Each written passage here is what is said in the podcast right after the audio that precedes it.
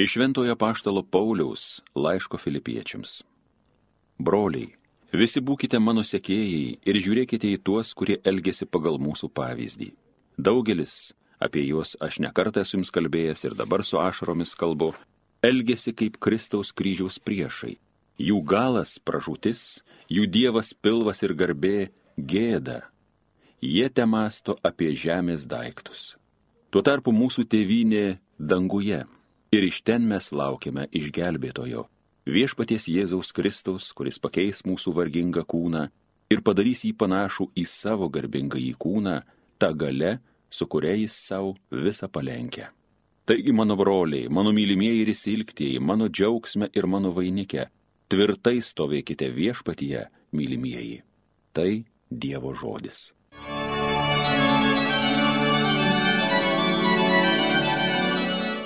Į viešpaties būstą džiaugsmingai keliaujam. Džiaugiuosi išgirdęs, kas man pasakyta. Į viešpaties būstą keliaujam. Štai mūsų koja jau stovi tavo Jeruzalė vartuos. Į viešpaties būstą džiaugsmingai keliaujam. Jeruzalė, puikusis mieste, tvirtai pastatytas tarsi nulietas, čionai plaukia žmonės viešpaties žmonės. Į viešpaties būstą džiaugsmingai keliaujam. Juk priedermė Izraeliui viešpatį šlovint, teisėjams krasės čia stovi, čia sostai Dovido ainiams. Į viešpaties būstą džiaugsmingai keliaujam. Alleluja, alleluja, alleluja. Kas laikosi Kristaus žodžių, tas iš tiesų tobulai myli Dievą.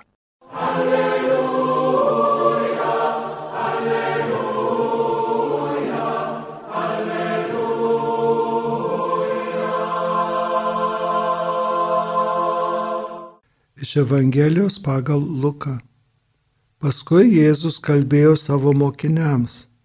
Buvo vienas turtingas žmogus, jis turėjo prievaizdą, tas buvo apskūstas, esas eikvojęs jo turtą.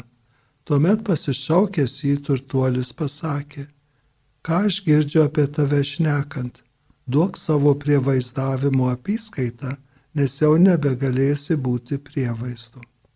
O tasai tarė savo, Ką veiksiu, kad šeimininkas atėmė iš manęs prie vaizdavimą? Kasti neįstengsiu, o elgetauti man gėda.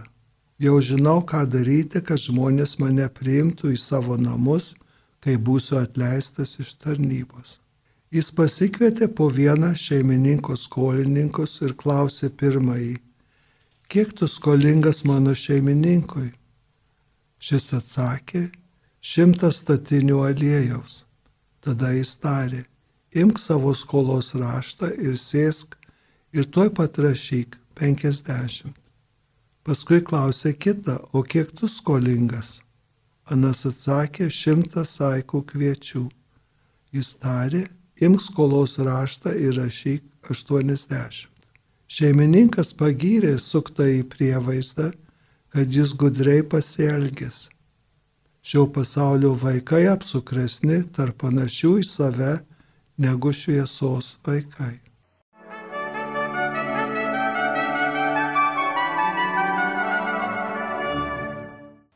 Turbūt mums reikia įsiaiškinti apie tą prievaizdą, kaip čia jį giria.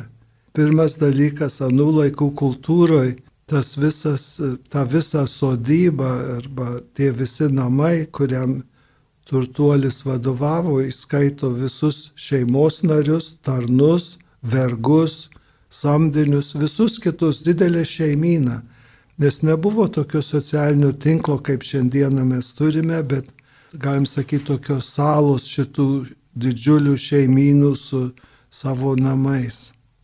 Tai priklausyti tokiai šeimynai buvo sąlyga iš viso išlikti gyvam, ne, negalėjai turėti savo versliuko kažkokioj savo vietoj, turi būti visur ištas su kitais. Neįmanoma visuomeniai gyventi, negyvenant tokioj patriarchaliniai bendruomeniai, šeimynoj.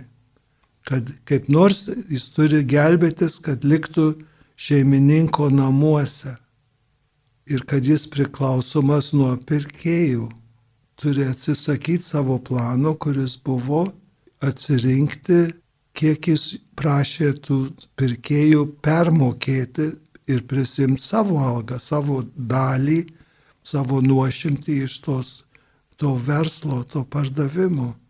Ir jis, aišku, atsisakė viso arba dalies savo pelno, sumažindamas tuos mokesčių skaičius, kad šeimininkas gautų, kas jam priklauso, o jis pats nieko ar, ar labai mažai gautų, bet liktų šeimininko globoje. Tai tas mus pamoko, Jėzus stengiasi čia keliaujančius kartu mokinius, keliaujančius kartu su juo į Jeruzalę, moko pasirinkti Dievo karalystę mažais žingsneliais, tais mažais sprendimais, kur mes pasirenkame, ką daryti, kaip daryti, ne didžiuliais kažkokiais žingsniais, bet tais mažais kasdieniais, kurie apreiškia mūsų priklausimą Jėzaus gyvenimo būdui. Tyrai sekti, elgtis, laikytis ir nuostatų, ir mokymų, ir užsimti tarnystėmis artimo meilės darbais, sažiningai ir rūpestingai.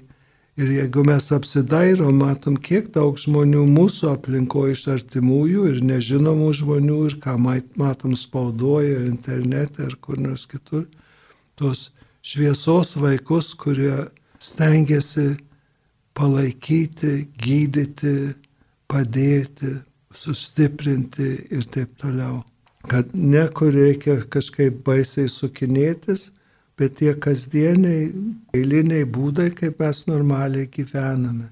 Kai kalbam apie šviesos vaikus, aš vis pagalvoju, kiek mes galim pasimokyti iš kitų šviesos vaikų. Pavyzdžiui, neseniai paėmiau mažo miestelio, ten, kur mes augome, jungtinėse, tais laikais turėjo 10 tūkstančių gyventojų, dabar 20 laikraštėlyje pasibaigus pandemijai iš karto įdėjo beveik du puslapius laikraščio visų tikėjimų bažnyčių tvarkaraščius ir socialinius tokius renginius, kursus, iškilmingus pietus, labdaros loterijas, žaidynės ir taip toliau visų religinių ir žydų, ir biblinių, ir katalikų, ir reformatų, liuteronų, visų bažnyčių, religinių bendruomenių tvarkaraščius, kada būna pamaldos, kokiom dienom, kokią valandą ir kokie dabar šią savaitę ar šį mėnesį renginiai, kur kiti gali dalyvauti, parodos, paskaitos, koncertai ir taip toliau. Kaip įdomu, kad tą padaro mažas miestelis, o dideliam miestelį turbūt tas neįmanoma arba niekam netėjo į galvą, kadangi nėra to bendruomeniškumo, taip kaip mažam miestelį. Kaip, galim sakyti, saugioj mažoj bendruomeniai, kaip to užvaizdo, kuris nori žudbūt likti toj bendruomenėliai, kurioje gyvena ir iš kurios, aišku, pragyvena, gyvendamas pragyvena. Būti apsukreis arba kitą šalį, paimkim Braziliją, jie 60, ai dabar užmiršau, 60 kelintais metais, tai ne taip seniai, prieš 60 metų, jie sugalvojo viskupai turėti tokį komitetą penkių žmonių, kurie kiekvienais metais seks, kas yra būtiniausia šitoj šaly šiais metais ir kas galėtų būti gavėnios programa visai šaliai. Ir tie penki žmonės, kur yra ir dvasininkų, ir pasauliečių, vyrų ir moterų, jie svarsto, tarėsi su kitais ir paskui prieina prie išvados, kad kitais metais reikės, pavyzdžiui, buvo vienais metais pagrindinė tema žemė, kad žemė yra gyvybė, turėti žemę, savo žemę yra gyvybė. Jaustis, kad esi savo žemėje, apsaugo čia buvius nuo vagysčių ir taip toliau. Kitais metais paima kokį nors kitą klausimą ir tada jaunimo švietimą ar ką kitą ir išvysto programas vaikučiam, šeimom, parapijom, mokyklom, aukštesnėm mokyklom, visokiem vienetam išvyksto programą apie tai, gavėnios programą visai šaliai.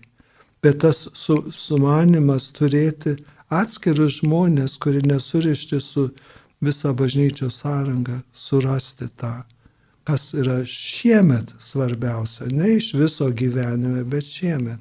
Kokie šiandien iššūkiai mūsų aplinkoje, kaip gražiai mes atsiliepiam į ukrainiečių padėtį, į pabėgėlius, kurie pas mus atsirado arba pagalba Ukrainai karo metu.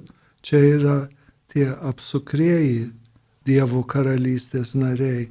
Ar priklauso bažnyčia, ar lanko, ar ne, bet tas atsiliepimas labai gražus pavyzdys to, ko mes tikėtumės iš Jėzaus sekėjų, kad jie nelaukia pasaulio galo ir tada kažką darys, bet žiūri, kaip šiandieną galima tą tarnystę kitiems žmonėms artimo meilės darbus įgyvendinti čia ir dabar.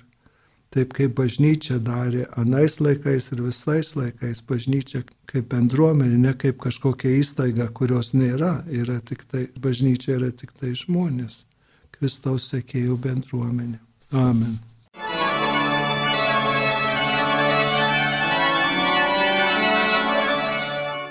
Homilija sakė tėvas jėzuitas Antanas Saulaitis.